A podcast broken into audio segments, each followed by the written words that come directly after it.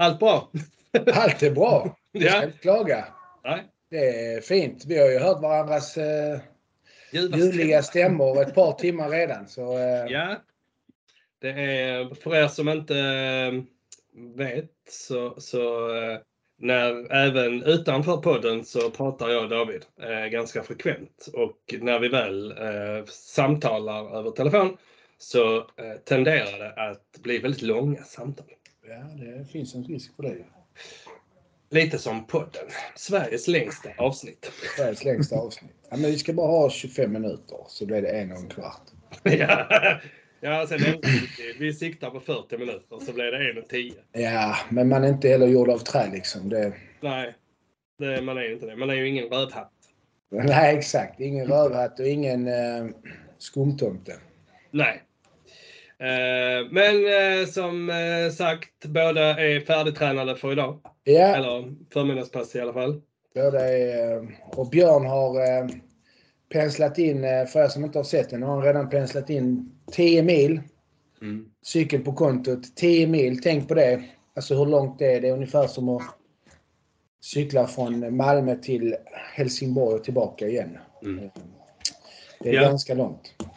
Ja, och eh, sitter man på en trainer så är det ju så att du får ju inte någon vila. Ute Nej. kan du ju rulla med naturen. Ja, På en precis. trainer så måste du trampa hela tiden. Och det är ju det som är fördelen med tra- trainern. Att vi blir starka på att trampa mycket. Så är det ju. Så att Och då, eh, eh, genomsnittshastigheten idag låg väl runt eh, 30, 31 ungefär. men det är rätt bra. Det är ju tre mil i timmen ungefär. Ja, det är ju där jag ska ligga på de eh, långa, långa passen. Ja. När vi cyklar 20 mil. 30. Jag kommer ihåg eh, när jag körde Ironman. De halva Ironman så låg jag på, jag vet inte vad jag cyklade på, 30, 35 kanske, Mm. 36. Och det, och det var ju, men det, det var ju tufft. Alltså det var ju jättetufft. Men sen så i vissa lägen så låg man ju på 30 för att man behövde liksom återhämta sig lite. Men eh, jag kommer ihåg att vissa, vissa låg ju på, alltså de som vann, de låg ju på 42, 43, 44 kanske på raksträckorna. Du vet. Ja, och det är ju tempocyklar. Ehm, Ja, ja, det är ju riktiga triathlon, alltså tempoer. Det hade jag också, men, men jag låg inte så, jag låg inte så snabbt. och där, där är det ju... cykeln. Ja, men där är det ju också att ha tränat på kadens. Hur snabbt trampar jag och hur många watt får jag ut? Ja. Eh, tricket är ju att ligga på så tung växel som möjligt och trampa så fort som möjligt. Ja. Så blir det så fort. Så kör man så fort som möjligt. Så ju. Eh, Och sen är ju de, men de har ju Alltså det är ju det enda de gör är ju typ springer och cyklar. Så det, och så jag tänker att de cyklar kanske mestadels av tiden så det blir ju man, blir man blir bra på det man gör och det ska man ha respekt för. Att man blir bra på det man gör. För Mm. När man blir bra på någonting så innebär det oftast att man har gjort det mycket. Att man ja. har lagt ner många, många timmar på att göra det. Samma, samma sak. Mm. ja, precis. Oavsett vad det gäller. Om det är eh, ett yrke eller en idrott eller en, Ja. en, en beteendeförändring så blir man duktig på det man övar på. Så. Övar jag på att tycka synd om mig själv så blir jag jätteduktig på det om jag gör det mycket. Ja, ja, då kan man bli världsmästare på det. Precis. Men jag tänkte, att- för vi snackade lite om det här att vi, dagens samtalsämne skulle egentligen inte handla så mycket om träning, men vi skulle gå igenom lite det och då tänkte jag att jag öppnar här då med att för sist så pratade vi om, ni som lyssnade på oss sist och ni som inte har lyssnat så eh, gå in och lyssna på vårt förra samtal för det var väldigt eh, intressant gällande träning, ADHD, olika typer. Är det bra? Är det inte bra? Vad är det för styrkor och svagheter? Och då gick ju Björn ut med att han har sökt till Team Skoda Mm. för att cykla 250 mil från Kiruna i norr till Ystad i söder. Mm, I- Smygehuk, det är 230 mil ungefär. 230 mil Och vi ska göra det på under 14 dagar. på under 14 dagar. Mm. 230 mil på under 14 dagar. Vi har räknat ut att det var i snitt 18 mil per dag eller något sånt. Ja. Ehm, och Det innebär att eh, för Björns del att han ska ha med sig allt han ska ha. Packning, allting, mat, allting ska ha med sig på sin cykel. Och det här är extrem, alltså det här är ju något extremt. Det här är ju inte vem som helst som gör det och det är ju eh, en, eh, en jävla utmaning ska man väl säga. Ja, och, och som jag sa där i det avsnittet att även om jag inte kommer med i Team Skoda så kommer jag att försöka att samla ihop ett team så att jag kan köra det i alla fall. ja. Eh, och då, då är det ju så, ja men då behöver jag ju kanske någon som sponsrar med en bra gravelbike och packväskor och så. Ehm, för jag, jag är ju sjukpensionär för att jag inte har klarat av att jobba. För att jag har haft mina depressioner och ångest och så. Ehm, och träningen är väl ungefär det jag klarar av. För då bestämmer jag själv. Mm. och, och min sjukpension är ju inte jättefet. Eh, Jag har ju absolut inte råd att gå och köpa en sprillans ny gravelbike. Så att det jag behöver göra är ju liksom att be om stöd. Om sponsring. Och det handlar ju om allt ifrån eh, träningsattiraljer till eh, proteinpulver, vitaminer, mineraler, återhämtning, mat för att kunna träna så pass mycket. För att det kräver ju väldigt mycket förberedelse och detta var i slutet av juni. Ja, Ja, så att även om... Så det är ju, låt säga det är sex månader. Och det krävs ju otaligt med, med träningsmängd och timmar för att klara av att göra detta här på 14 dagar och bara ta sig igenom det. Mm. Och det krävs ju väldigt mycket eh, vid sidan om. Så, så här, det är inte bara att sitta på en cykel i timmarna utan det krävs även att man måste liksom återhämta sig i form av sömn. Man får, måste ha en bra cykel på dagen. Man måste ha utrustning. Man måste ha en del kosttillskott. Man måste kunna äta ordentligt i- Mm. för att kunna tillgodose sig energin. Och precis jag tänker att vi ska tillsammans, jag ska inte göra detta här, ni ska inte missförstå mig nu. Jag är inte den som ska utföra detta fysiskt. Det är Björn som är, det är hans show, det är han ska göra detta här. Jag hjälper till så mycket jag bara kan för att han och jag är ett team. Så jag är en del av detta vid sidan av. Eh, jag vill att vi ska typ ha någon form av sån GoFund eller något sånt där man skulle kunna upprätta, där man skulle kunna be, eller be, men de som vill skulle kunna sponsra med lite pengar liksom. eh, Och det, alltså varenda krona är ju värd jättemycket och det handlar om att pengarna ska liksom inte gå till att eh, vi ska sitta nere på krogen i Ystad och, och dricka alkoholfritt och spela in samtal. Utan det handlar om att man ska liksom få ihop det som behövs för den här Precis. utmaningen och för att Björn ska kunna liksom kanske tillgodose sig mer mat och Ja, och, och framförallt gäller ju det om det är så att jag inte kommer med i Team Skoda. ja, ja och även För då om så- behöver, ja, ja, ja, för då behöver jag ju liksom rodda allt det här själv. Ja, och då blir det ju resa som ska bekostas. Ja, ska, alltså anmälningsavgiften till loppet kostar 3000 spänn. där har vi till det. Sen har vi en tågbiljett upp. Och, Ja. Eh, och ehm, ska man ha med sig eh, någon följebil, ja men då får man ha folk med sig. Eh, det är ju liksom extra slangar och så, slangar och utrustning och så kan jag alltid lösa liksom. För jag har samarbete med en cykelbutik som heter Kedjan i Sjöbo. Eh, Shoutout till Patrik, det är världens snällaste mekaniker. Han är usel på att sälja, för han ger bort saker. Han bara, nej det känns som jag lurar folk om jag tar för mycket betalt. Ja men vad bra att du vill sopa igen din egen dörr liksom. mm. Men eh, ja, eh, så att det jag tänker är att steg ett här nu är att jag ska försöka ro fram en, en begagnad eh, dator som är lite bättre så att jag kan börja streama mina träningspass på Swift och så. Ehm, så att folk kan hänga med på den utvecklingen också. Mm. Och är det något företag där ute som är intresserad av att eh, stötta mig, om det är med kosttillskott eller mat eller ja men någonting annat, så, så tveka inte att höra av er liksom. Ehm, Nej, absolut inte. Och det är bara att nå ut till någon av oss. Så Vi ska ju självklart dra i, jag ska också dra i de kontakterna Ja. jag har. Och se de jag har samarbetspartner som jag har jobbat med i många, många år som har varit fantastiska och som är fantastiska människor på alla sätt och vis. Så jag tänker att vi ska, på något sätt så ska vi kunna lösa detta här ju, eh, utan några större problem. Och sen så får man ju be om, får man ju be om stöd, stöttning i annat. Liksom, är det någon, känner ni någon som har något företag som skulle kunna kunna ja, dra nytta av att synas i denna, på denna resan liksom. Så. Hojta till. Vi kan också, kanske någon av oss kan, kan liksom nå ut till dem och presentera denna idén liksom. Och Exakt. presentera vad det handlar om. Och, och, och, och man ska inte glömma bort att det handlar också om, så det kan ju, det kan ju finnas mycket, my- många eh, ett stort affektionsvärde i detta för dig att göra detta här. Men jag tänker också att bara rent allmänt ut så tycker jag det är fantastiskt för att det visar också att man med små medel kan nå stora framgångar och att Ja, och att inte låta sina, sina motstånd stoppa en. nej. Jag skulle lika bra kunna sagt att nej, men jag har inte råd till detta så att jag, kommer, jag tänker inte ens försöka komma dit. Eller, ja det är så långt, jag kommer inte försöka. Kör inte jag med Team Skoda utan jag kör själv så kommer jag ju försöka att cykla det så fort jag bara kan.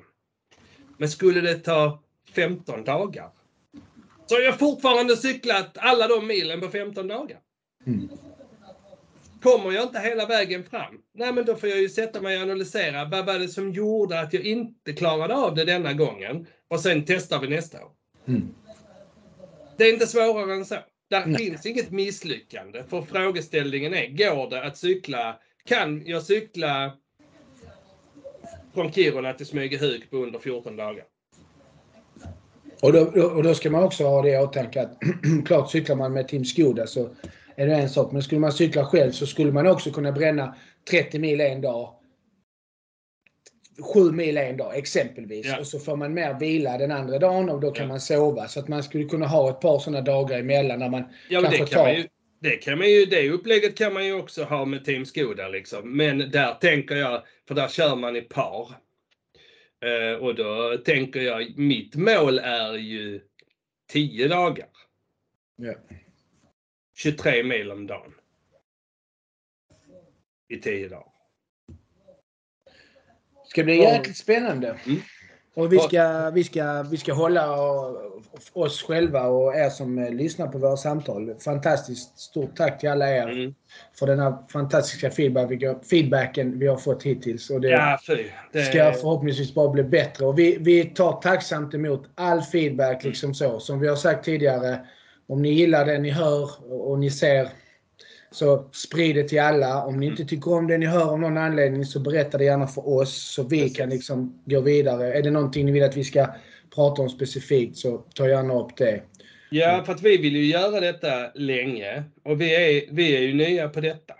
Eh, Så jag tänker ju att över tid så kommer det ju liksom, kommer vi ju att investera i bättre kameror, bättre ljud, bättre redigering och jadi jadi. Och det är ju alltid, jag sitter ju med redigering och klippning och allt det i efterhand och, och folk måste också förstå att det tar tid. Visst är det så. Det tar jättemycket tid.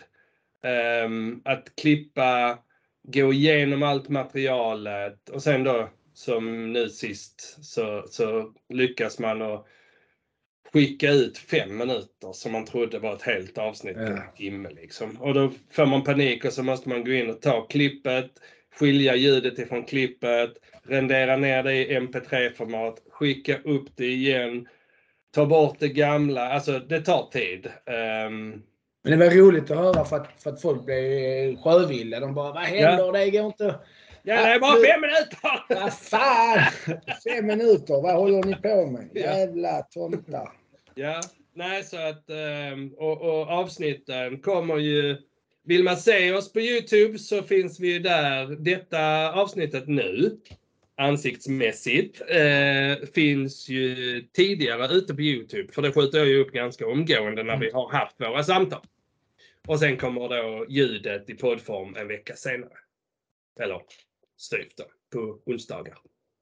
Så tänker jag, jag tänkte på det, det var häftigt sen. Alltså vet, nu, är, nu är jag Ja. där igen. Så Ja, men- vet, jag är långt fram. Jag tänkte så vi ska ha sponsrade avsnitt och du vet så. Vi ska Ja, ha ska. företag som ska sponsra vår podd för vi- det ska bli så jävla stora de här samtalen. Det ska bli så roligt och vi ska, du vet. Men sen så... Vi hittar på okej, massa roliga grejer. Vi hittar på massa roliga grejer. Och, det, och nu har det varit roligt det här och detta var ju, det är viktigt att vi berättar liksom, alltså just det här med resan och cykel och sånt. Jag tänker, och sen ska vi ju prata om lite andra grejer också idag som är, Ja. Som är lite eh, viktigare. som är nej, Eller- viktigare. Men, nej. men som, vi, vi, drar en, vi, vi tar en annan sväng nu då. Mm. Vi svänger och Precis. någonting. Vi tänkte ju, vi snackade ju om det här med att ha barn och ha ADHD. Och familj. Hur är det egentligen? Ja, det, det är skamfyllt skulle jag vilja säga Hur är, emellan. det, hur är det där när man ska... Man har sina egna beteendesvårigheter och sina egna... Sina egna, sina egna, egna saker. Och man ska bemöta barnen när de hamnar i affekt, i, i konflikt, när de låser sig i situationer, när de eh, låser sig i känslor och, och tankar kanske. Och vardags. Ja. Det, det, och det, och det, för oss handlar det om att, för att vi har ADHD, men för andra så är det ju... Man hamnar i den situationen mer eller mindre dagligen. Mm. Ja, så är det ju. Eh, och det, jag tänker att steg ett är ju faktiskt att erkänna att där är ett problem. Ja. Ehm, Det blir en återkommande konfliktsituation kring något eller om något. Ehm, Och att där är ett problem. Och då måste man ju också vara villig att titta på sin egen del av problematiken. Tänker jag. Ehm, För, för det är alldeles för många gånger och, och det, det, det är inte bara kopplat till ADHD. För det beteendet finns eh, hos väldigt många. Att vi kidnappar situationer och gör det till att handla om oss. För att Ja, vi precis. känner oss osedda eller obekräftade. Precis. Ehm, Jag ber, eh, jag har stått och lagat mat. Och jag, mitt barn har varit och ätit banan och macka eh, en timme tidigare. Och när det är dags att äta så är mitt barn inte hungrigt. Då blir jag förbannad för nu har jag stått och lagat mat och så tycker inte du om det. Jaha, men bu hu hu hu hu. Det handlar väl för fan inte om dig? Att ungen inte är hungrig eller inte tycker om maten är väl ingenting om dig? Och där blir det ju en konflikt.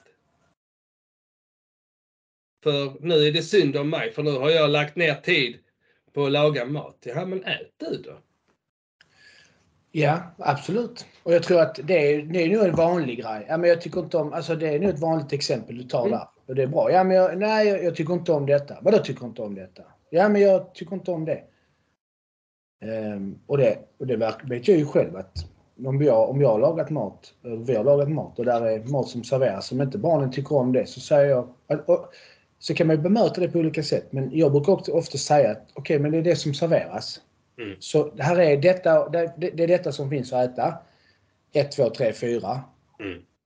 Ja, men jag vill ha macka istället. Det blir ingen macka här nu. Det är detta som serveras. Det här är ingen restaurang. Jag står inte och lagar tre olika maträtter för att tillgodose allas behov eller tillfredsställelse vad gäller mat och smaklökar. Det är viktigt att förklara också att maten är inte alltid det godaste som finns. Jag äter inte alltid den godaste maten jag vet. Men, Nej. men det är någonting man får leva med och acceptera. Mat, mat är inte, all- behöver inte alltid vara det godaste utan det ska, det ska liksom ge energi och ork för att orka göra resten. Men som du säger, det handlar inte om mig. Det handlar inte om Nej. dig. Utan om du inte vill äta, nej men då kanske man, och där tänker jag att då får man ju liksom hitta strategier. Okej, men om man inte vill, om inte barnet vill äta så ska vi aldrig tvinga barnet. Nej. du vill inte äta. Varför inte det? Jag tycker inte om det. Men det handlar kanske inte om att de inte tycker om det. Det kanske handlar om att de inte är hungriga. Men de vill inte säga att de käkade en macka och banan. Och sen så kommer du på att ja, men det var för att du åt macka och banan innan. Då är det inte så jävla konstigt. Du inte är hungrig. Ja, men vet, här står jag och lagar mat. Här står jag och här gör jag och här gör jag här gör jag. Och så ska inte du när jag har och så vill inte du för att jag har. Vet du hur jag känner mig? Vet du? Det, det är klassiskt. Så kidnappar, kidnappar du situationen och gör det till handlande? Ja, och detta händer nog hela tiden. Oh ja. Men okej, varför är du inte hungrig? För att jag tycker inte om eh, kycklinggryta eller jag tycker inte om det. Eller kan det vara så att du käkade en banan och en macka för bara en timme sedan? Ja, det kan det vara. Okej, men vet du vad? Detta är maten som serveras. Om du inte vill äta denna nu så är det okej. Men jag vill att du sätter dig vid matbordet, om det är nu där man äter tillsammans. För att vi ska sitta ner som familj, eller du och jag, och äta tillsammans. Du får sitta med mig och göra mig sällskap. Om du sen blir hungrig senare, så är det denna maten som vi serverar. Du får jättegärna äta den senare. För att det är ju en sak om vi, om vi, om vi planerar. Det är ju samma som, som många, jag, vet många som, som hamnar i konflikter. Jag, och detta är ett jättebra exempel du tog för att jag pratar med föräldrar och det kan vara rutiner. Mm. Eh, I mitt yrke, så, så, i mitt jobb så pratar jag med föräldrarna om rutiner och så sa de ja men du vet han är inte hungrig klockan eh, halv fem. Fem. Vad händer halv fem, fem? Ja men det är middag. Det är middag. Ja. Okej. Alltså mat. Kvällsmat. Ja, det är kvällsmat. Okej. Ja. Varför är han inte hungrig? Ja, men jag vet inte. Han är aldrig hungrig. Han ska alltid aldrig äta. Och sen så äter han bara jättelite och sen så ska han ha eh, gröt eller macka eller knäckebröd eller riskakor eller majskakor eller någonting när klockan är eh, halv sju precis innan han, innan han ska gå och lägga sig. Eller sju innan han ska gå och lägga sig. Han går och lägga sig åtta. Så ja, okej. Och så det räcker att man rotar och drar i det lite. Så, så visar det sig att ja, men du hämtar på förskolan halv fyra eller fritids. Mm. Eller fyra. Och sen så ska du ställa dig och laga mat. Och de kanske inte har någon fritidsaktivitet just den dagen och så. Okej, men de käkade mellis på förskolan klockan två, halv tre. Ja. Eller fritids. Precis. Och då käkar de två mackor, de kanske käkar någon korv med Kräm, bröd, kräm, någon, någon, någon, vad det nu är de käkar. Croissanter eller vad det nu är de, de äter. Ingen aning. Croissanter, vad är det? Det är såna... Nej, det är franska bakverk så att, eh, det tror jag inte de äter. Nej, det kan jag inte. Men de, de, kan, de, får Nej, det ganska, de får ju ganska matiga mellanmål. Oh ja. Och de får äta ganska mycket. Alltså de, de, ju, de, de går ju inte hungriga för de käkade oftast lunch mellan 11 och 12. Så nu tre timmar senare så får de ganska matigt mellanmål. Då är det väl inte så konstigt att man inte är hungrig när klockan är halv fem, fem. Nej, för om jag hade käkat eh, klockan tre och käkat mig mätt för att jag var hungrig då. Mm. För att jag åt lunch klockan 11. Så, så är jag ju inte hungrig halv fem. Mm.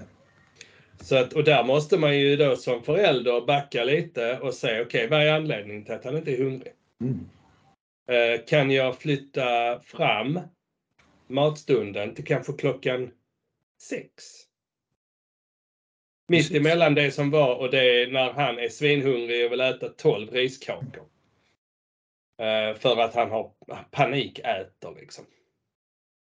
Ehm, och och då, då slipper man ju den konflikten. Absolut, visst gör man det. Och det innebär ju, det, många gånger leder ju den konflikten till att det blir konflikt i någonting annat. För att det är ofta så att barn är ju inte långsinta. De, de släpper ju saker ganska fort. Så att det blir en konflikt gällande maten. Och sen så ska vi ofta som föräldrar visa oss överlägsna och någonstans eh, trycka på att det är vi som är föräldrar, vi bestämmer Mm. att det är vi, vi. Vilket är helt fel. Vilket är helt, helt fel. Mm. Och då återgår, jag återkommer alltid till barnkonventionen som trädde i kraft 2020. Som säger att i anti-agalagen så står det att vi får inte lov att kränka något barn. Nej. Och kränka barn, det kan man definiera på olika sätt. Jag anser att man kränker ett barn när man ställer sig över ett barn och berättar att jag är, jag ska, du ska inte för att jag. Precis. För mig är det en kränkning. Det, får man inte, det, det måste vi separera. Och i alla de här situationerna, jag tror att vi låser oss mer än vad barnen gör. Så vi tar med oss den låsningen som faktiskt skedde. Och sen så tar vi med oss den i nästa, när det är dags att borsta tänderna, när det är dags att Mm. stänga av iPaden. Och då tar vi med oss det och vi buffrar. Barnen buffrar inte på samma sätt. Klart att de kan vara tjuriga en dag. Och det får de lov att vara. Men, men Ja. vi kidnappar, som du säger, vi kidnappar alltid situationen eller känslan för att det ska handla om oss. Och någonstans är vi bra på att rättfärdiga det genom att, ja men, ja, ja, ja. För det är ju någonting vi har tränat på. Vi, vi har tränat på det jättemycket. Ja. Men jag tror att många andra föräldrar Oh, ja. som inte har MPF, de har också tränat på det lika mycket som vi har, fast de är inte medvetna om det på samma sätt. Ja, men vad, vad är det som förmedlas ute i samhället? Nu är du förälder, det är du som bestämmer. Du måste sätta ner foten. Du måste vara bestämd. Jaha. Men om du... Om jag lagar mat till dig varje dag. Och jag har lagat kycklinggryta. Och du inte är sugen på kycklinggryta. Och du säger så här, ah, fan jag är inte sugen på kycklinggryta. Och jag blir förbannad. För här har jag min själ stått och lagat kycklinggryta. Du som faktiskt tycker detta är så gott! Så nu äter du! Och gärna då resa mig från stolen, ställa mig över dig, väldigt nära och berätta för dig hur mycket tid jag har lagt ner på att laga denna maten. Du ska vara tacksam, för det finns barn i världen som inte har någon mat. Mm. Ehm, ja, så du menar att om, om jag äter min mat här så blir barn i Afrika mätta? Nej. Det, det är nog det man, man, man säger man, en som förälder. Man vill skuldbelägga barnen. Och det är ju inte heller, det är ju, en, det är ju fel sätt Ja, men, men egentligen så tror jag det handlar om att man upplever ett misslyckande själv. För att här har jag lagat mat som jag vet är omtyckt. Men just idag så fick jag inte det resultatet som jag ville. Nej, och där tänker jag att istället för att jag såklart misslyckade, jag misslyckades, vad hände, jag fick inte det resultat jag förväntade mig. Och sen tänker jag att okej, men du ska fan äta. Du ska vara tacksam över att du får Ja. mat. Ja, absolut. Man ska vara tacksam över att man får mat, man har tak över huvudet, att vi har det bra som vi har det i Sverige. Ja, men okej, men om du vill att jag ska äta och vara tacksam på grund av dåligt samvete. Okej, fine. Det kommer ett barn aldrig uttrycka för barn kan inte sätta ord på de tankarna och kan inte sätta ord på de känslorna. Men okej, jag ska få ångest nu för att du vrålar och gormar om att jag ska vara tacksam för det finns barn Mm. som inte har mat. Okej, så då, då får jag äta. Okej, jag får äta på grund av att jag, jag, jag, mitt dåliga samvete. Men är det så jag vill att mina barn ska äta? Nej. Och där blir det lite som, som en, en, en sån sak som jag, eller ett uttryck som jag, som jag, jag använder väldigt ofta. Jag återkommer till det väldigt, väldigt ofta. Och i vardagen, var som helst. När jag är tränare för barnen i handboll, i brottning, i fotboll. Igår var vi på cup. Det handlar också om, för det är mycket känslor, det är matcher. Jag är känslosam när vi spelar fotboll. De är sju år, jag vrålar, inte jag skriker inte på något negativt, men jag är glad när de gör mål så springer jag in på planen typ och domarna till mig ut från planen och jag när vi spelar lika eller om vi håller förlora så blir jag ledsen för att de blir ledsna. Så, Mm. eh, men jag har ju alltid sagt, jag säger alltid till folk jag träffar och pratar med, och lite här, det är samma sak. att Det enda sättet för, för mig att lära mina barn hur de ska hantera en, en impuls, en konflikt, en situation där, där man inte har befunnit sig tidigare. Det är ju att jag lär mig själv att hantera impulsen, konflikten, situationen jag inte befunnit mig i tidigare eller situationen som är obekväm. Om jag lär mig själv som förälder att hantera impulserna och mina känslor och affekter där så Mm. kommer jag lära mina barn. Så om jag lär mig själv, när de inte tycker om min mat, om jag lär mig själv att hantera deras intet omtyckande av min eller din kycklinggryta som är fantastisk. Så kommer jag ju lära dem hur de ska kunna bemöta mig Mm. tillbaka. Och då Precis. får, vi ju en, då får vi ju en relation som, som blir sund, en relation som blir hälsosam. En relation där du kan säga Okej, förlåt men jag trodde verkligen att du tyckte detta var din favoriträtt. Ja men pappa, det var länge sedan. Jag Exakt. tycker inte det riktigt lika mycket om denna. Okej, men kommer du ihåg när vi käkade den sist när Gunnar och Åsa var här? Ja, Mm. men då tyckte du om den. Ja, men ja, fast jag vill inte säga någonting för Nej, jag vill inte precis. att du skulle bli ledsen. Precis, för att barn, barn gör ju allt för att vi föräldrar inte ska vara ledsna. Mm. De tar på sig våra känslor för att de kidnappar vår upplevelse för att ta den ifrån oss så att vi inte är ledsna. Och där, en sak där som du sa, nyckelord. De vill inte att vi ska bli ledsna. Nej. För ledsamhet och besvikelse, det är två känslor som barn kan identifiera sig med. Barn och ungdomar kan identifiera sig med, med det väldigt, väldigt lätt. Väldigt tidigt så kan man identifiera sig med att vara ledsen och besviken. Man kanske inte kan sätta ord som, som, som betyder besviken, men, men man, man, man vet hur känslan är, till exempel om man om man, om man välter ner ett glas och man tittar på mamma och mamma blev ledsen. Så, så Mm. vet man hur den känslan är hos mamma. Att någon tog någonting från en eller... Ja. Så känslan av att vara ledsen och besviken, den kan barn relatera till. Så Precis. du säger själv, barnen säger att de vill inte att jag ska bli ledsen. De oftast, i en sund relation så kommer inte barnen säga jag vill inte att du ska bli arg. För oftast i en sund relation så har de inte upplevt ilska. De kan inte, de kan inte sätta, sätta ord på ilska. För det är ingenting de upplever. I en Nej. osund relation där pappa alltid är arg och förbannad och ilsken. Där kommer de förstå att nu är pappa arg. Men samma sak där när vi, när vi, när vi blir, när vi blir eh, när vi får en, en reaktion på barnen, när vi blir arga eller förbannade för att de gör någonting. För att de välter ut ett glas mjölk över, eh, chokladmjölk över mattan. Ja. Ja.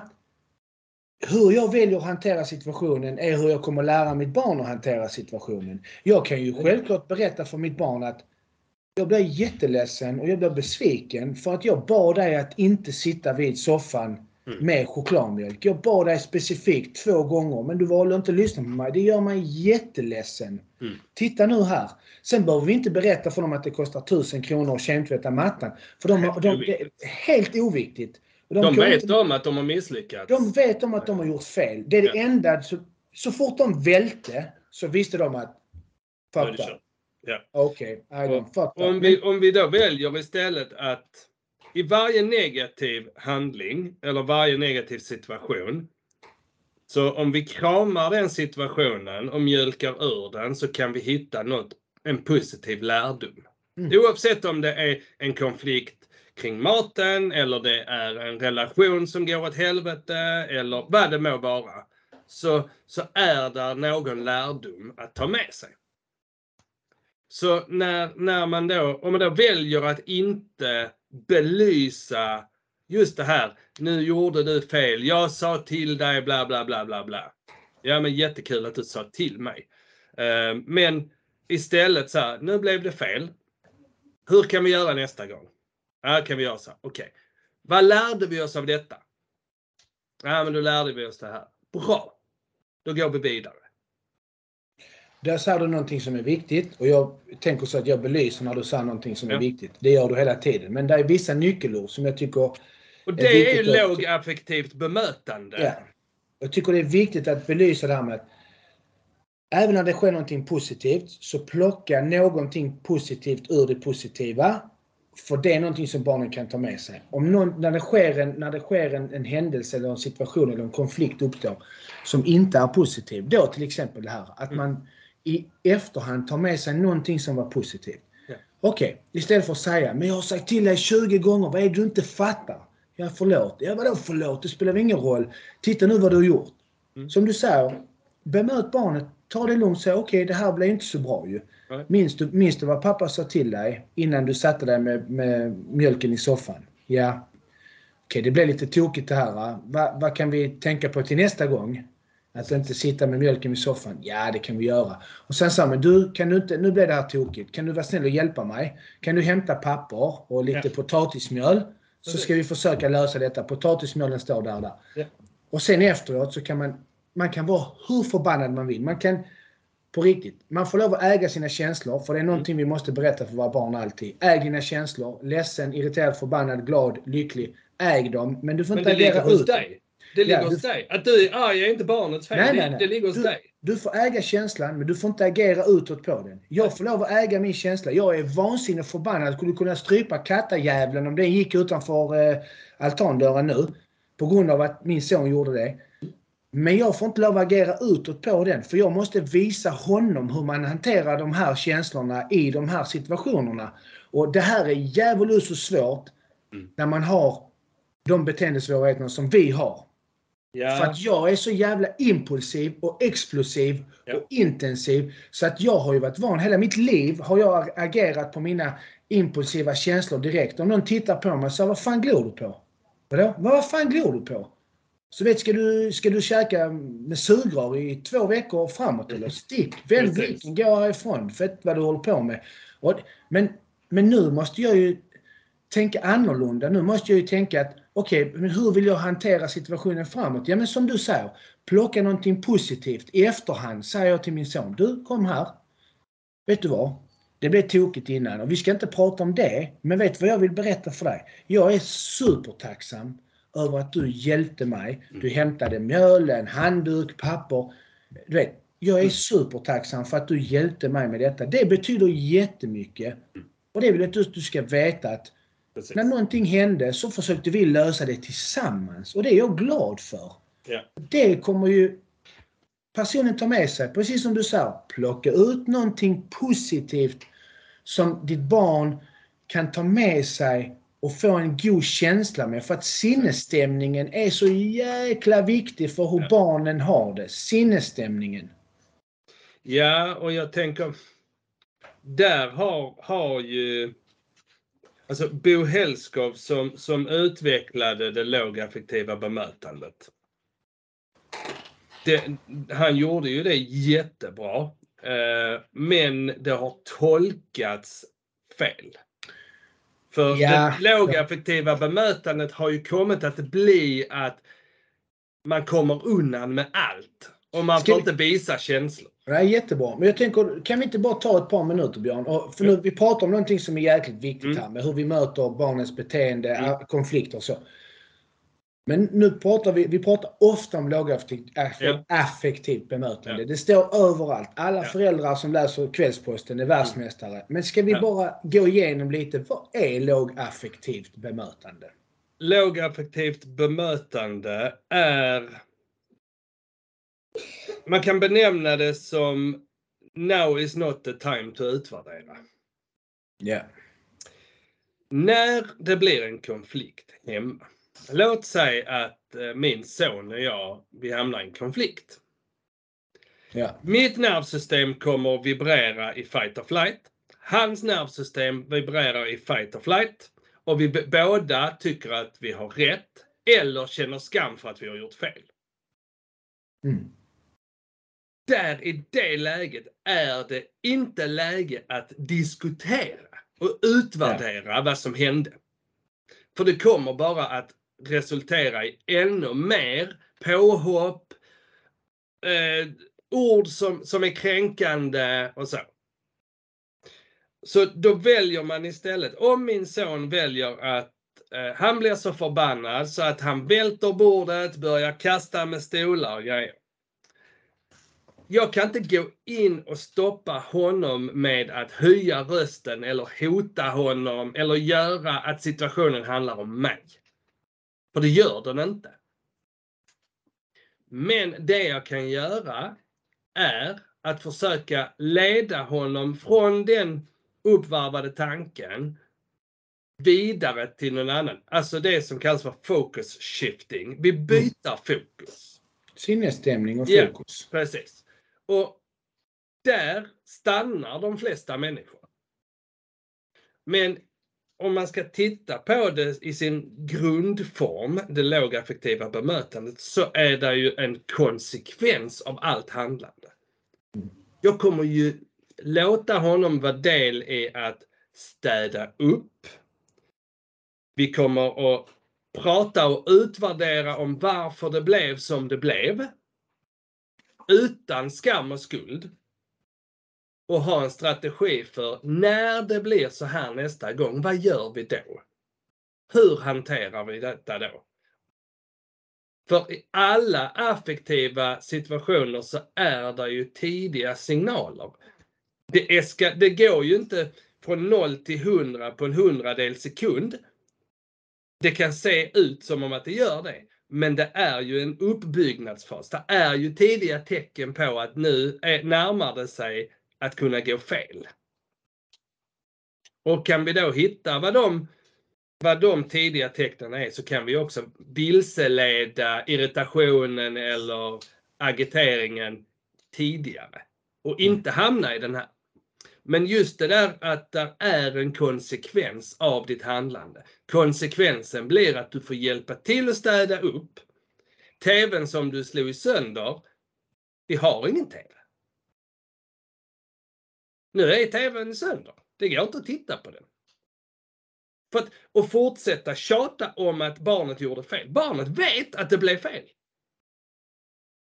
Barnet vet att det blev utåtagerande. Barnet vet att det gick åt helvete. Barnet vet om att det har sabbat saker. Det behöver inte jag berätta för barnet. Ja, det är som att kasta eld på, på vatten. Det, eller kasta Ja. va- mer, vatten, mer eld på veden heter det. Ja, eller kasta Det- bensin på Kasta elden. bensin på elden, så heter Ja. det. Just. För då, för då ökar ju bara ångesten hela tiden och självbilden av misslyckande fortsätter att eskalera och byggas. Att kunna hantera problemskapande beteende hos barn. Det är ett lågaff- lågaffektivt bemötande. Men det, det är precis som du säger, det är väldigt brett också. Jag tror att Ja. många föräldrar tror att man är, jag bemöter lågaffektivt. Fast om vi nu Fast- börjar titta nej. på konflikterna så är det inte särskilt lågaffektivt bemötande du, du, du, du bemöter med. Och egentligen behöver det inte vara ett lågaffektivt bemötande hela tiden utan det handlar om att Nej. du tror, eller föräldrar, samma föräldrar som jag träffar, de tror att, de tror att som du säger, eh, då, då, det händer någonting. Jag kan ta mig själv som exempel. Ja, men jag hade en pissedag i skolan där, där allting gick fel. Eh, av olika anledningar. Och så blev jag ut, utslängd från tre olika lektioner och allting var bara bajs. Och det har jag byggt upp under hela dagen. Mm. Men folk vill inte se det, eller lärare såg inte det. Och sen så är det någon som kommer och så drar de en jacka, alltså de ska ta på sig jackan och jag Mm. får armen i huvudet. Så small det. Mm. Och så åkte de med den personen på ett kryss. Rakt Precis. på betonggolvet i eh, rasthallen. Så åkte de Ja. på ett kryss där. Och så, vad hände? Han slog mig. Han slog inte det. Han slog mig. Jag skulle ta på mig jackan och så och, och då är jag så jäkla högt uppe för det har byggts upp. Då är jag här uppe. Så Men ditt nervsystem är ju i fight or flight hela Direkt. tiden. det har varit det hela dagen. Och sen så Ja. nu bara, nu är det så att jag måste ha ihjäl någon typ. Men, Ja. men de lärarna som bemötte mig, de, de bemöter ju inte mig genom att sätta sig ner, du vet, komma ner lite på min nivå Precis. efter att de har isolerat mig. Utan man tror att man ska bemöta personen eller barnet som är i konflikten eller är i en affekt bland andra människor. Mm. Okej, och hur tror ni det blir om jag ska bemöta en person som dig eller en person som mig i affekt bland våra polare? Okej, Det inte det, det, det, det är som att be om att få bilen sönderslagen på riktigt. Och nu, nu går jag till överdrift, men det är för att man ska få en, en referens. Precis.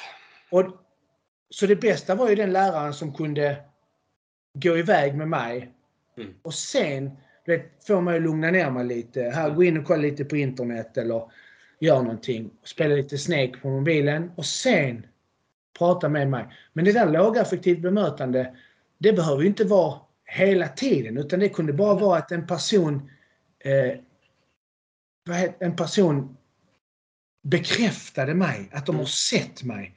De bekräftar mig, att de har sett mig, den här uppbyggnaden, Mm. när det, innan det rasar. De, de bekräftar att de har sett uppbyggnaden och att vi borde gjort någonting där. Mm.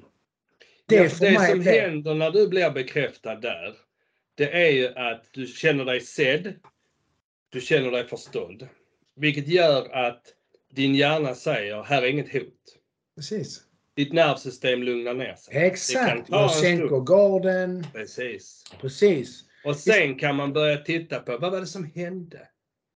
Ja, Ja, men sen, den situationen. Okej, då får vi ju ställa frågan varför. Varför reagerade du så här? Ja, men det har varit en pissdag. Okej, vad är det som har hänt?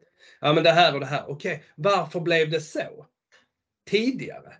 För då förstår man hela händelsekedjan.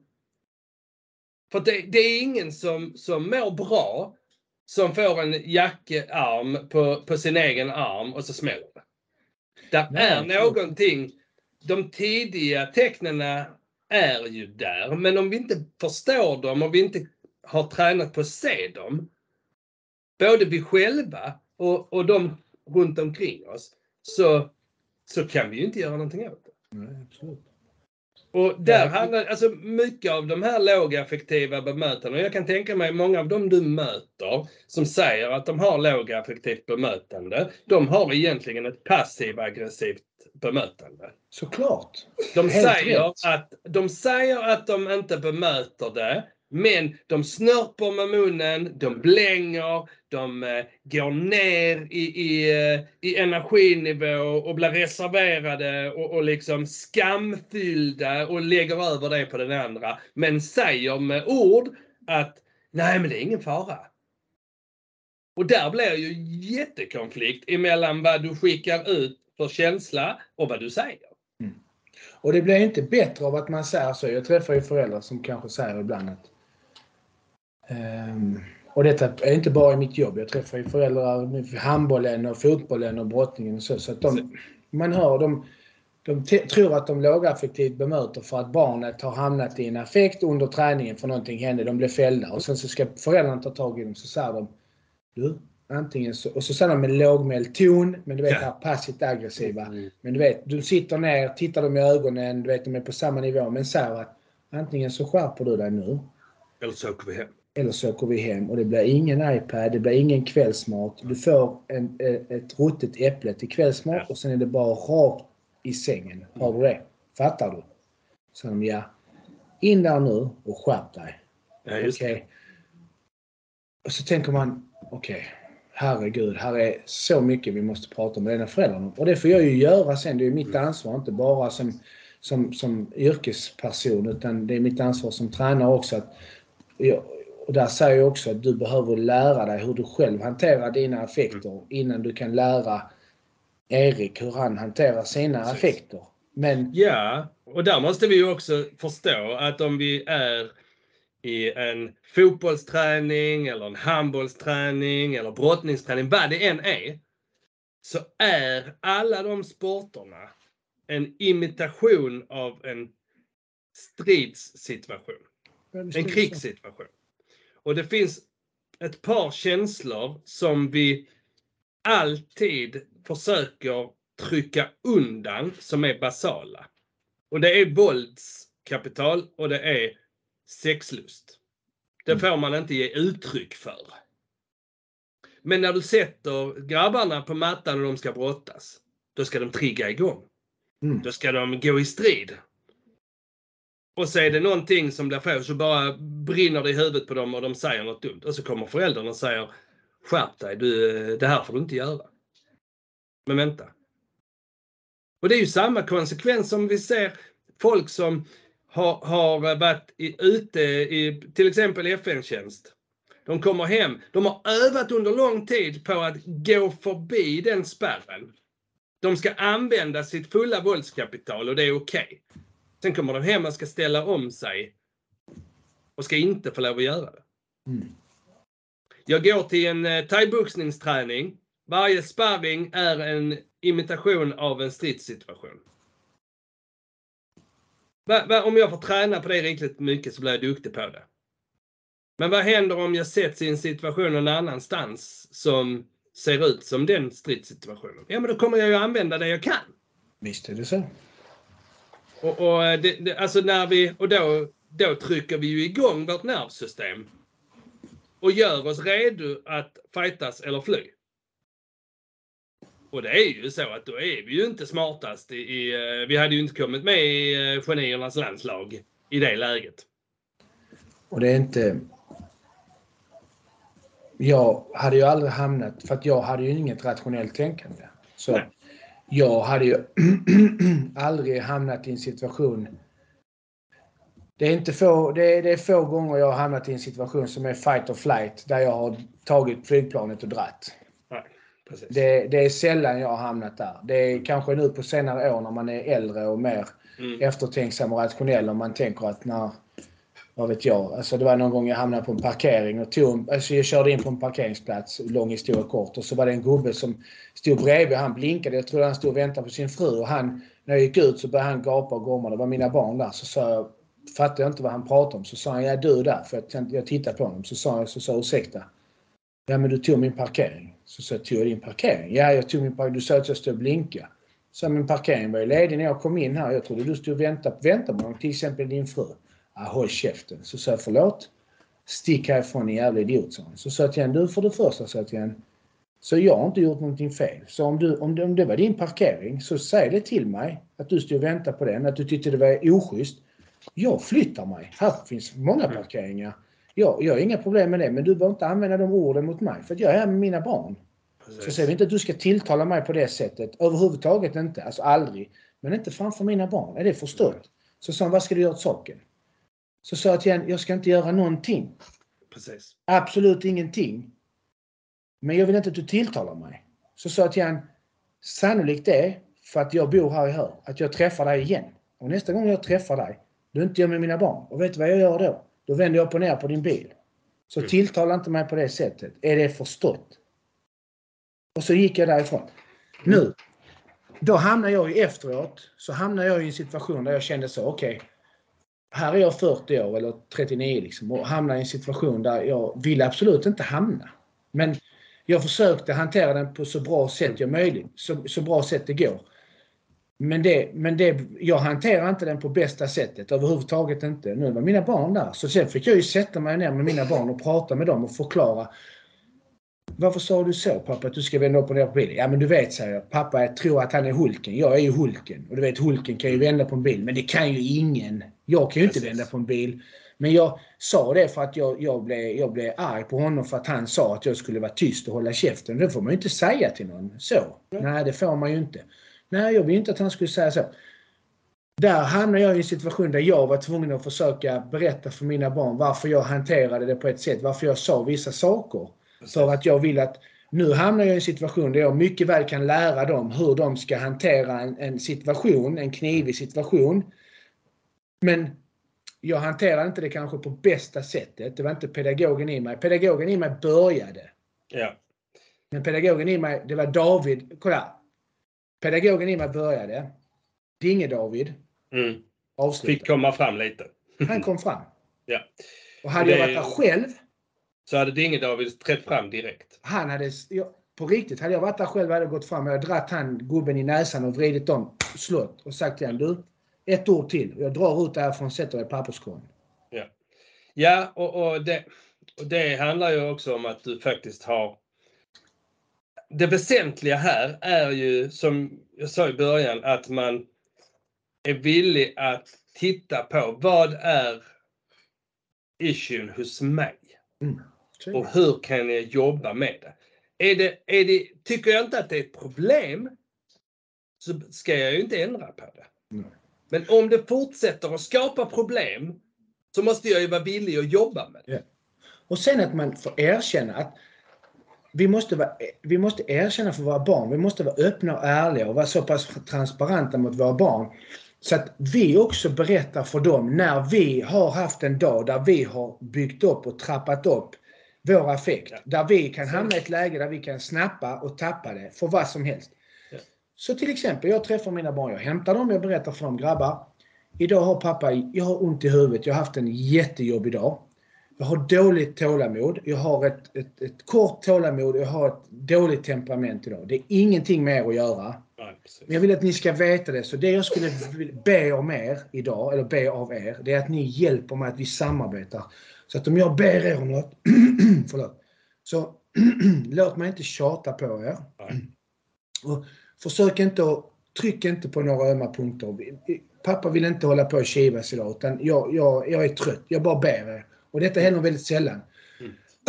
Förlåt. Och då är mina barn väldigt bra på att de säger ja absolut och de är hjälpsamma. För jag har ju varit transparent mot dem. Men det kanske inte jag har varit alltid. Men att kunna berätta det för barnen och Mm. liksom berätta för dem att jag har haft en dålig dag. Varför, säger de kanske. De förstår inte allt. Men jag kan säga, okej okay, det har varit så här. Och för att annars så hamnar de i ett läge där jag snappar, precis som du säger, för att maten inte var tillräckligt god. Och då snappar jag. Men vem är jag att döma dem för att de inte tyckte om min mat? Men det är inte mina smaklottar, men det handlar om mig. För att jag har min själ haft. Jag vaknade en halvtimme sent. Och det är min själ jag. Och jag kom för sent till jobbet. Och jag kom för sent. Och jag har, och jag har, och jag har. Ja, och det fina där när du är så öppen med dina barn och du förklarar och de ställer frågan, men varför är det så? Då, för, då ger ju de dig ett frikort att faktiskt titta på vad har hänt idag? Exakt. Och, och, och vad är det som gör att jag mår så här? Ja, men eh, jag, jag har sovit dåligt i natt och det var en på jobbet som betedde sig illa och, och jag, jag misslyckades i det och jag skäms för det. Um, så det har jag burit med mig. Ja, men det, det, det, är ju det är världens öppning för att förbättra sin kommunikation och sin förståelse för sin, sitt egna beteende. Och det är Men det det, kräver ju mycket jobb. det kräver mycket jobb. Men det är ju det som är en del i föräldraskap. Det ständiga skapandet. Vi är vänner, vi har ett, vi har ett skapande av vår, av vår vänlighet. Så vi Ja. skapar vår vänskap. Ja. Föräldraskap, äktenskap, Mm. alla relationsskapande bygger ju på att skapa. Ja. Och du kan inte skapa någonting själv. Jag kan ju inte skapa, eh, eh, i ett äktenskap kan ju inte jag vara den som skapar. Då går det käpprätt. I en vänskap kan ju inte du vara den som skapar. Och då blir det ju inte bra. Och samma sak i vi hela tiden. Och vi, vi har ju ett exempel. Vi tog ett exempel. Men igår till exempel så skulle man gå och lägga sig och det, det var sent. Vi pratade om det lite innan. Eh, Min äldste son Neil och han satt med iPaden och han hade 30, 20, 30 fönster öppna på iPaden. Så hans iPad gick jättelångsamt och den laggade och det gör det inte här för vi har bra wifi bla bla bla. Mm. Så jag hjälpte honom att stänga ner en massa fönster. Jag stängde ner en massa fönster. Jag tänkte bara gud gud, bara jag inte stänger ner hans fönster nu. Det gjorde jag inte. Sen hade han tre fönster uppe. Varav han råkade trycka på att, så att det går tillbaka. Alltså det laddar om hela Youtube-sidan. För Ja. han satt på Youtube och kollade. Och då blev han jätteledsen. Och då var han trött och han var, du vet, så han behövde gå och lägga sig. Han var trött. Han hade spelat fotboll. Han hade spelat fyra matcher på en dag. Han var hos kompis och lekt. Mycket intryck. Han var trött. Och då bara... Och jag hade sagt att han skulle gå och duscha innan han gick och la sig. Det var mycket. Och så bara fastnade han i det. Så att han blev jätteledsen. Han fastnar i de här äh, affekterna. Han fastnar i känslan av att han blev så ledsen för att han blev av med det avsnittet. Men han misslyckades. Ja, och han misslyckades. Men han kan hitta det igen om man, om man letar. så hittar, Vi hittar det igen, men han fastnar i det. Och där blir vi så. Normalt sett så kan jag antingen möta honom i det och försöka prata med honom lugnt och sansat.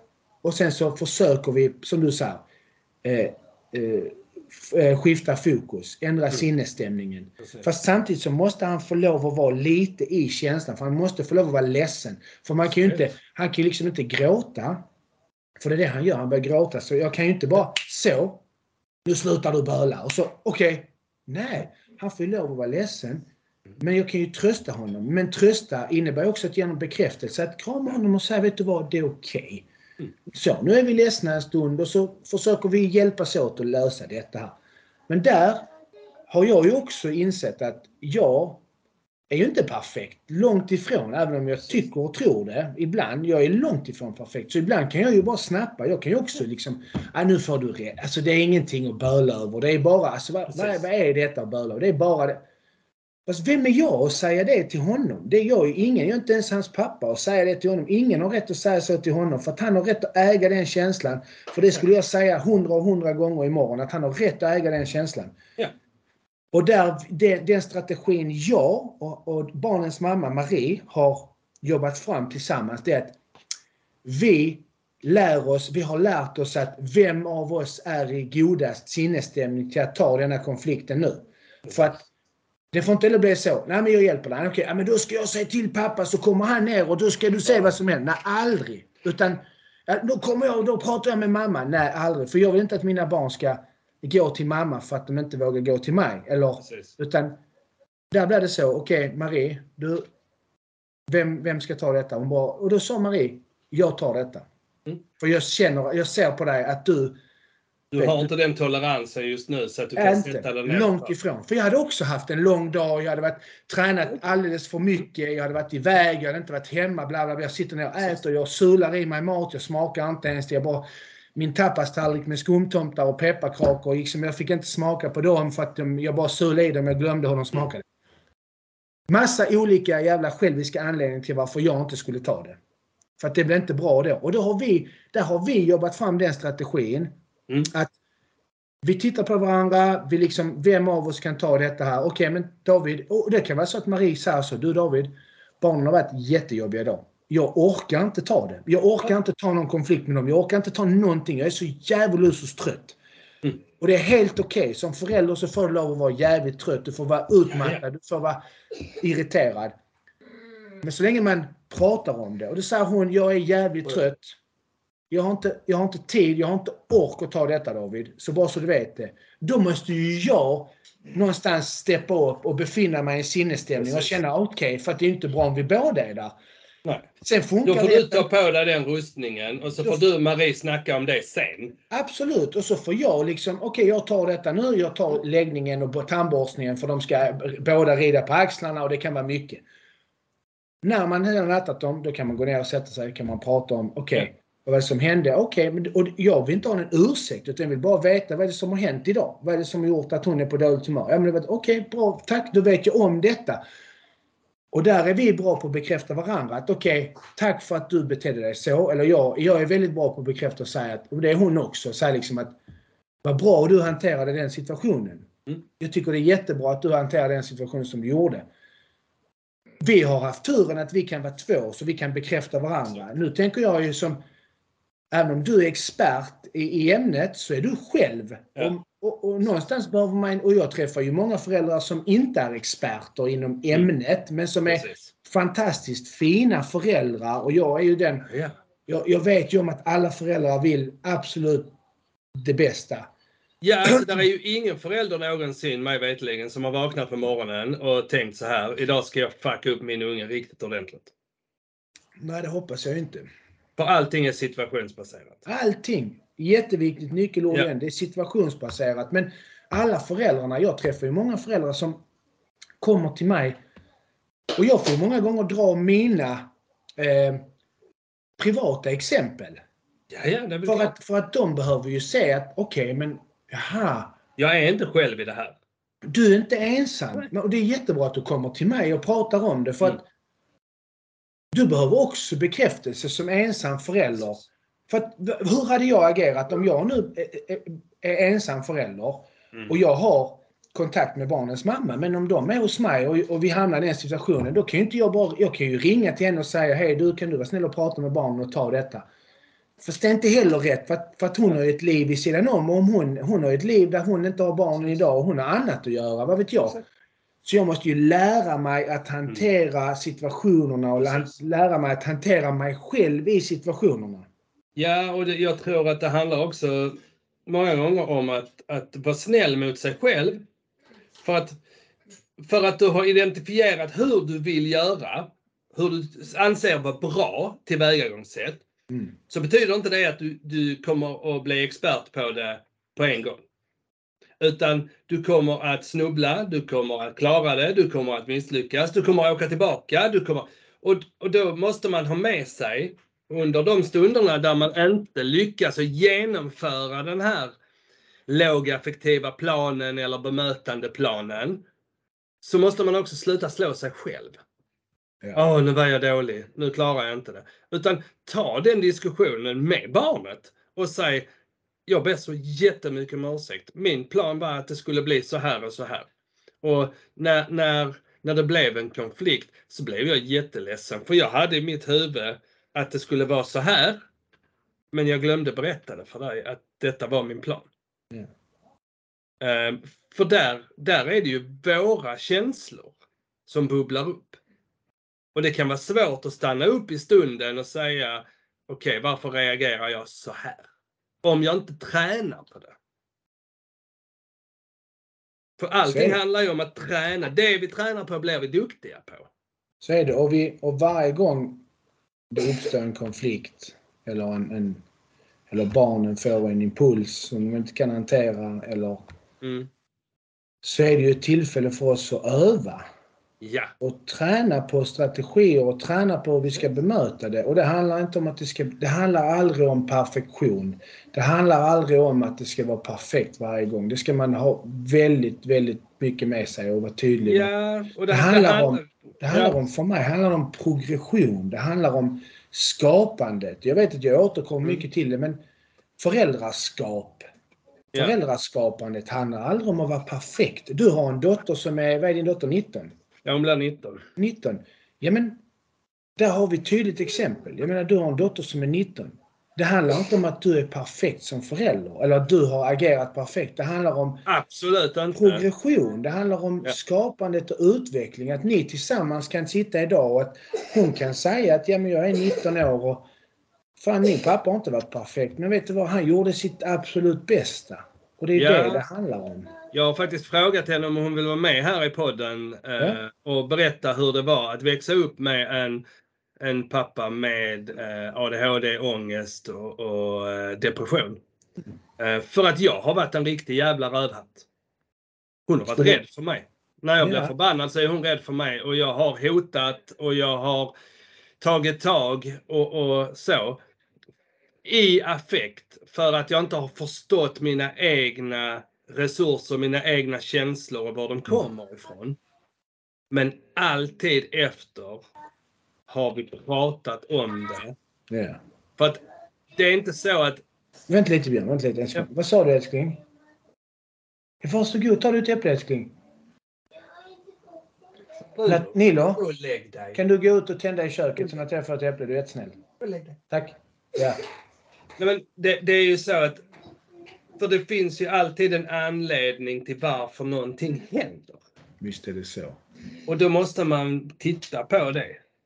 Eh, Men inte att skuldbelägga varken sig själv eller den andra. Det är ju aldrig, som du sa, det, det hade varit jättebra om din dotter hade varit med någon dag och pratat om det och Absolut. pratat om, eh, ja, men om tankar och känslor Precis. och hur hon upplevt det. Det är jätteintressant. Jag hade säkert kunnat ställa jättemycket frågor till henne och ha ett jättefint samtal vi tre tillsammans där man pratar om, eh, om och hur Vänta det två sekunder. Ja. Nilo, kom kan du tända här lite grann är du snäll? Här, jag ska visa dig om du, om du gör det. Lägg ner den där nu. Tänd här. Tänd här uppe. Där, översta. Översta, tänd. Så, och sen tänder du i köket. Så, det är bra. Och så tänder du i köket. Eh, nej men alltså, och det, det är, alltså det, det måste jag ju vara jätte, jätte, jättetydlig med. Att jag misslyckas. Vänt, vänta lite Björn. Ja. Där på sidan, den, den knappen, den vita. Ja, Skit i det, bara låt det vara. Låt det vara. Tack ändå. Ja. Jag måste ju vara jättetydlig med att jag misslyckas ju hela tiden. Men jag vägrar att slå mig själv för att jag misslyckas. Mm. Jag försöker titta på det helt mekaniskt. Vad var det som gjorde att det inte gick denna gången? Vilka, vilka känslor manipulerade situationen denna gång? Och var, var kom de ifrån? För det enda sättet jag kan utröna och ta det vidare. Och lära mig tolka de tidiga känslorna. Sen tror jag också att man... Jag tänker lite så, jag, jag, jag tänker så, hur var min pappa... Hur, hur var min pappa mot mig när jag var liten? När vi var små? Hur, hur betedde han sig mot mig? Alltså, Du. Min son har gjort, hallå, hallå! det är David, det är Love. Tjena Love! Gud vad du är snäll. Har du gjort pannkakor till pappa? Han har lärt sig göra pannkakor via TikTok. Fantastiskt! Med sirap och hallonsylt. Fantastiskt. Vilken kille! Och detta är eh, det första jag äter idag. Det är det första du äter. Ja, vilket är ganska tragiskt egentligen. Detta måste vi ändra på. Ja. Men hur var din pappa när du växte upp? Alltså min pappa kommer från en familj med, med jag vet inte om tio syskon. Mm. Du vet, och, och pappa och en farfar, eller hans pappa, som jobbade och Alltså så. Jag, jag, tror att han hade, han hade väldigt mycket kärlek hemifrån. De hade väldigt mycket kärlek med sina syskon. Och, men de, de tog också hand om varandra. Va? Så att... Eh, jag, jag, jag tror att... Eh, jag tror att han... han de var nog rätt, det var nog rätt strängt. Eh, så, annan kultur. Det var strängt, men det var också för att de var så många. Så de hade liksom inte... Det går inte att dalta med barnen. Och det, man daltar inte med barnen på samma sätt som man gör idag. Eh, men min pappa var aldrig... Han har alltid varit, han har varit sträng, men, men alltid kärleksfull och rättvis. Mm. Jag, jag brukar säga så. Jag har aldrig tvivlat en sekund på att min pappa älskar mig. Eller älskar oss. Jag tvivlar aldrig tvivlat en sekund på att, han, han, att inte han älskar oss villkorslöst. Han skulle göra allt för mig och mina syskon. Men jag tror att jag är 40 år och jag tror att de gångerna han har sagt till mig att han älskar mig kan jag räkna på en hand. Mm. Men jag har aldrig någonsin tvivlat på det för jag, han har alltid varit väldigt fysisk och kramats och pussats. Han har varit väldigt så omtänksam och omsorgsfull. Mm. Eh, Så han har alltid gett oss affektion. Väldigt, väldigt mycket. Men han har aldrig sagt till mig. Det är väldigt få gånger. Han, han- jag, ja, alltså, så jag tror fem gånger i hela mitt liv har jag hört att han älskar mig.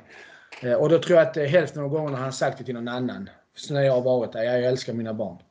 Men min pappa var, han var väldigt tydlig bara. Han var liksom och han, var, han var ingen expert på något sätt. Vet, han, kom, han kom till Sverige när han var 17-18 och hade flytt jorden runt. Liksom, kom utan sin familj, utan, utan någonting. Liksom, och kommer hit här och träffar kvinnor och skaffar barn och ska du vet, försöka få ett liv att fungera. Och han är knappt själv vuxen och ska liksom, eh, fostra barn. Och hur ska man bete sig? Och jag, jag tror att jag vet ju om idag att min pappa gjorde ju sitt allra bästa. Även om inte det var kanske optimalt då. Men han har aldrig, han har liksom aldrig, han har aldrig lagt en hand på oss. Nej. Han var bara väldigt tydlig. Okej, det är detta som gäller, annars in på rummet. Mm. Sen lärde jag mig också från början att jag växte upp med en pappa där, där det inte fanns så mycket. Nej. Alltså vi hade inte pengar. Vi hade, det var väldigt, det var knapert. Min pappa studerade mycket innan han började jobba och han, alltså han studerade, han lärde sig svenska. Vi pratar aldrig svenska hemma. Jag har aldrig pratat svenska med min pappa hemma. Jag har aldrig pratat svenska. Det är en annan kultur. Jag, Precis. det är det här du äter. Det är inte så falukorv och makaroner eller falukorv och potatismos som hemma hos, hemma hos Vet, vi käkade äggmackor till kvällsmat och så ibland för att det inte fanns pengar eller någonting annat. Och jag, jag bara lärde mig att det är så situationen är. Eh, och han berättade hur hans, hans föräldrar hade det och hans syskon hade det. Och då, men sen så har jag, växer jag upp och tänker att det är många beteenden i min ADHD som jag märker som jag har, har också ärvt av min pappa. Liksom. Mm. Eh, på gott och ont. Vissa är säkert goda men många beteenden som jag har haft som inte är särskilt goda. Så ja, man ärver ju beteende också. Och de har jag försökt jobba bort. Men något som jag har försökt behålla. Nu har inte min pappa ADHD men så jag är totalt olik honom. Alltså i vårt sätt att vara. Men jag har ju försökt att inte... Jag har försökt ärva hans beteende hur han var mot oss. Hur jag ska vara mot barnen. Förutom då att jag berättar för dem varje dag 20 gånger om dagen hur mycket jag älskar mina barn. Eh, samtidigt som jag pussar och kramar dem. Men... Eh, ja, jag vet inte. Jag, jag väl... Alltså jag, jag har haft... Min, min pappa var bra och så. Jag, jag, det är samma sak där. Vet, jag strävar inte efter att vara en perfekt förälder. Utan jag strävar bara efter att vara en, en progressiv förälder som, som vill utvecklas och som vill det bästa. Mm. Och som, som du säger, det här att man, att man kan eh, prata och, och dela Mm. och säga liksom så att barnen förstår att men, det kommer ingen manual. Nej, det gör det ju inte. Och den Eh, manualen måste du lära dig. Du måste skriva din egen manual. Och varje barn är individuellt. Ja, men jag har tre barn eller två barn, men båda barn är totalt olika. ja. Alltså, Ja, alltså det, det, och det är ju verkligen så att om du att ha en vision hur man vill vara som person. Det räcker inte. Du måste skriva ner det Skriv ner, det här vill jag, så här vill jag vara. Mm. Det här är min utopi. Det är mitt mål. Det är mitt mål, ja. Så här vill jag agera i de här situationerna. Så här vill jag bemöta folk runt omkring mig. Så här vill jag bemöta mina barn. Så här vill jag bemöta mig själv. Och där tänker jag, för mig, en viktig, två viktiga ord för mig. Det är, det är varför och huret. Mm. Och det använder jag i hela mitt liv i allt. Alltså i träning och allt. Alltså varför kan vara jättelätt. Mm. Det är tydligt. Ja. Varför vill jag vara en bra förälder? Varför vill jag, att, varför vill jag röra på mig motionera och vara hälsosam? Mm. Ja men så, mina barn ska ha en förälder som lever länge och bla bla bla. Varför ska jag träna så mycket? Varför vill jag ta mig till games? Därför, varför? Varför vill jag vara bäst på cykla? Varför vill jag? Det där är för mig inte svårt. Varför är jättelätt. Mm. Jag kan skriva varför. På, efter varför kan jag skriva hur mycket som helst. Hur? Det är där jag jobbar. Jag jobbar Ja. alltid nerifrån. Jag jobbar alltid nerifrån upp. Okej, utopin är jättefin. Hur, hur ska det se ut? Ja. Hur kommer jag dit? Det är den stegen som vi ska knäcka. Det är den nöten vi ska ta oss igenom. Så för mig blir det alltid, börja aldrig med varför ska jag gå ner i vikt? Nej, hur ska jag nu lyckas med detta? Ja, så du sätter ju upp målet och sen måste du rita kartan. Sen måste vi börja rita kartan. Rita inte kartan och sen tänker du att ja okej. Utan för mig blir det alltid så. Hur ska jag göra för att bli en bättre förälder? Hur ska jag göra för att...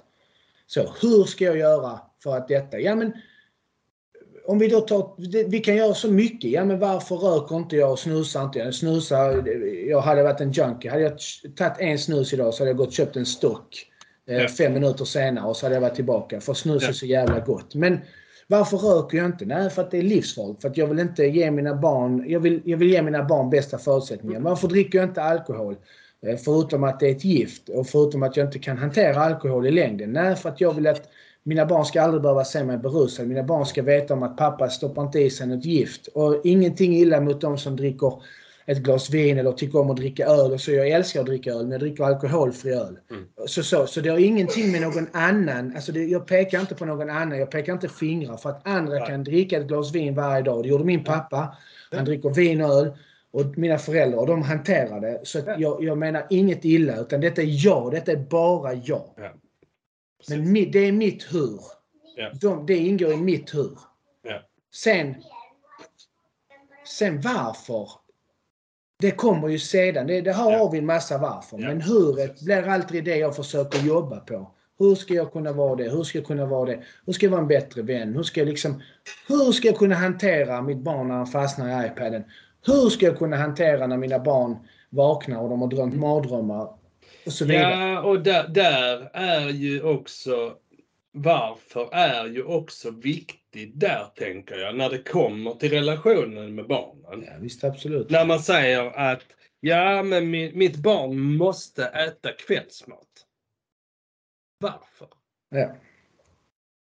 Det finns en designteknik. När, när jag, jag brukar ställa till mina klienter när de säger någonting så brukar jag fråga varför. När du säger så här, vi kan testa den lite öppet.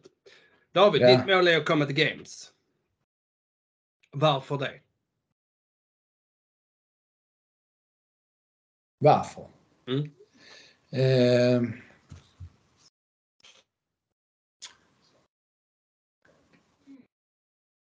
för att jag vill mäta mig jag vill, jag vill kunna mäta mig bland de absolut bästa i världen inom Crossfit i min ålderskategori. För att jag drivs av att bli bäst. Eh, jag drivs inte av att bli, så, bli den bästa versionen av mig själv. Jo, det gör jag det också. Men det kommer jag bli bara genom att... Alltså det, crossfiten gör inte mig till den bästa versionen av mig själv. Det är en del av min version. Men att komma till games är för att jag är en extrem tävlingsmänniska. Och det är den, det är den största scenen du kan tävla på. Och jag har möjlighet att tävla bland de bästa i världen. För att jag har tagit mig dit utan talang. Noll talang. Jag är noll talang. Men med Mm. hårt arbete har jag tagit mig där jag kan säga att jag har varit bland de 13 bästa i min ålderskategori i kanske fem år nu. Mm. Och det, det, är, det, är, det, mitt jävla stora varför är för att jag, jag vill vinna games. Varför vill du göra det? Jag vill vinna games för jag vill någonstans jag vill ge ett, jag vill ge ett, eh, ett arv till mina barn. Eh, inte för att jag vinner games. Om jag vinner games så är det bara toppen på isberget. Och det har bara med mig själv att göra. Jag vill inte vinna games för någon annan. Jag kan vinna games. Det behöver inte vara någon ceremoni. Jag behöver inte ha någon bild. Jag bara vinna games. För att ge mig själv, det är den största utmärkelsen på att jag är bäst i världen på någonting som jag gör. Och jag har tagit mig dit på egen hand, mer eller mindre. Med massa hjälp runt omkring, självklart. Men det är jag som gör jobbet. Men jag, med crossfiten, mitt varför till att tävla om att bli världens bästa crossfitatlet. det är för att jag vill eh, Inom idrotten vill jag drivas av att bli så bra jag kan bli. Men jag vill också kunna lämna ett arv till mina barn. Och det handlar inte om att lämna arv med pengar eller lämna arv eh, med medaljer. Det är inte det. Det är inte arv och pengar och medaljer.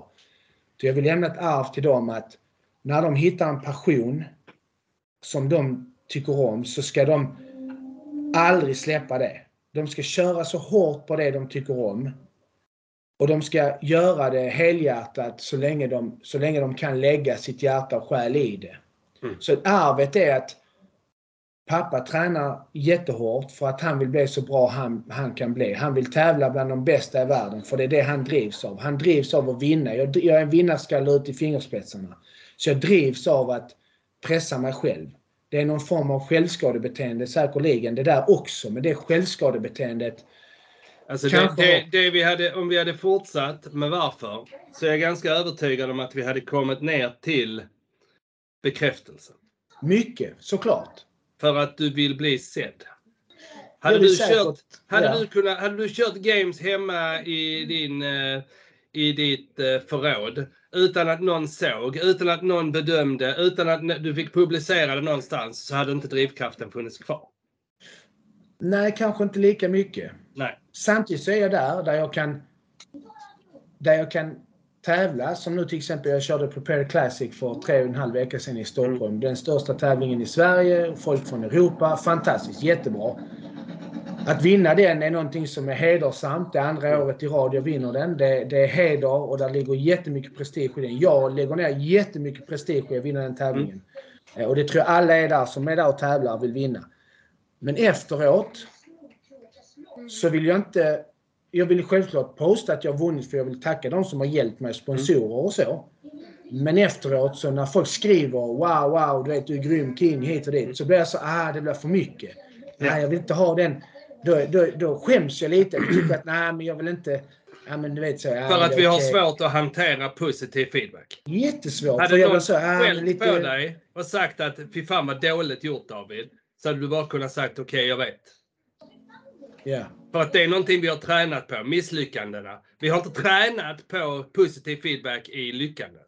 Och den, den bästa feedbacken jag fick, även om jag älskar all feedbacken jag får och jag svarar på alla, allting jag får på Instagram svarar på. Sen kan jag inte ta åt mig allting för att jag har svårt för att man är så jävla självhatande och självdestruktiv. Men av en, av en kille, eh, eh, han har också ADHD, men eh, jag ska inte säga hans namn nu. Men han är, han är fantastisk. Han är också coach i Crossfit. Han är lite äldre. Han är fantastisk. Han, han har betytt mycket för mig inom Crossfiten så, även om inte han är min coach överhuvudtaget. Eh, och Han säger alltid att jag är uncoachable. Men Ja. han skriver och säger Borgstrand, så jävla bra jobbat, men vad fan hände i det och det eventet? Du hade sju event, du hade fem eventvinster och du hade en trea och en tvåa.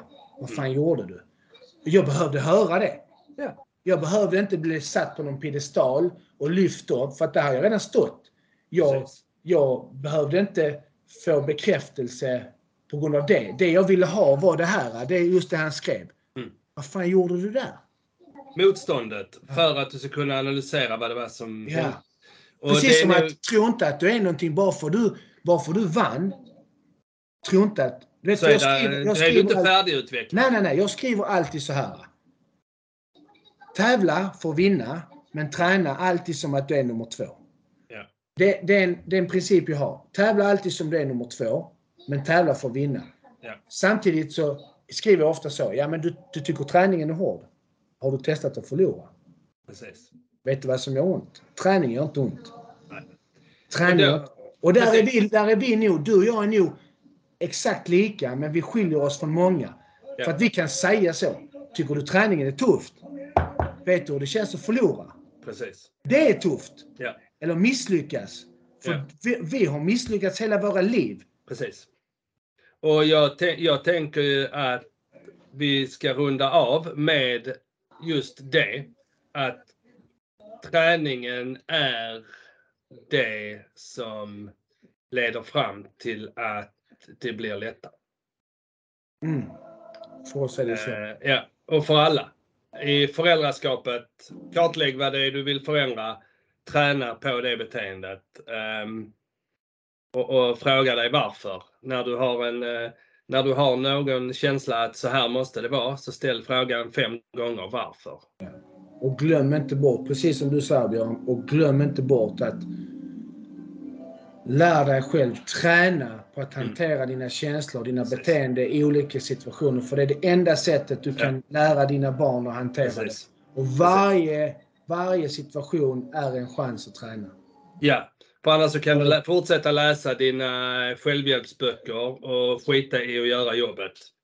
Och undra varför du inte utvecklas. Så är det. Men eh, jag tackar för idag David. Björn. Mycket intressant. Och eh, som sagt, eh, är det någon som har några idéer om, eh, om sponsorskap eller eh, så, så får ni jättegärna höra av er till oss. Hör av er. Till Björn, Till David. till, Till, till David, ja, till podden. Bara skriv till Ja. oss om ni har förslag. Precis. Alla idéer jättevälkomna. All Precis. kärlek till er. Stor kram Ja. till er alla. tack. Kram på dig Björn. Samma David. Hej. Hörs vi. Hej.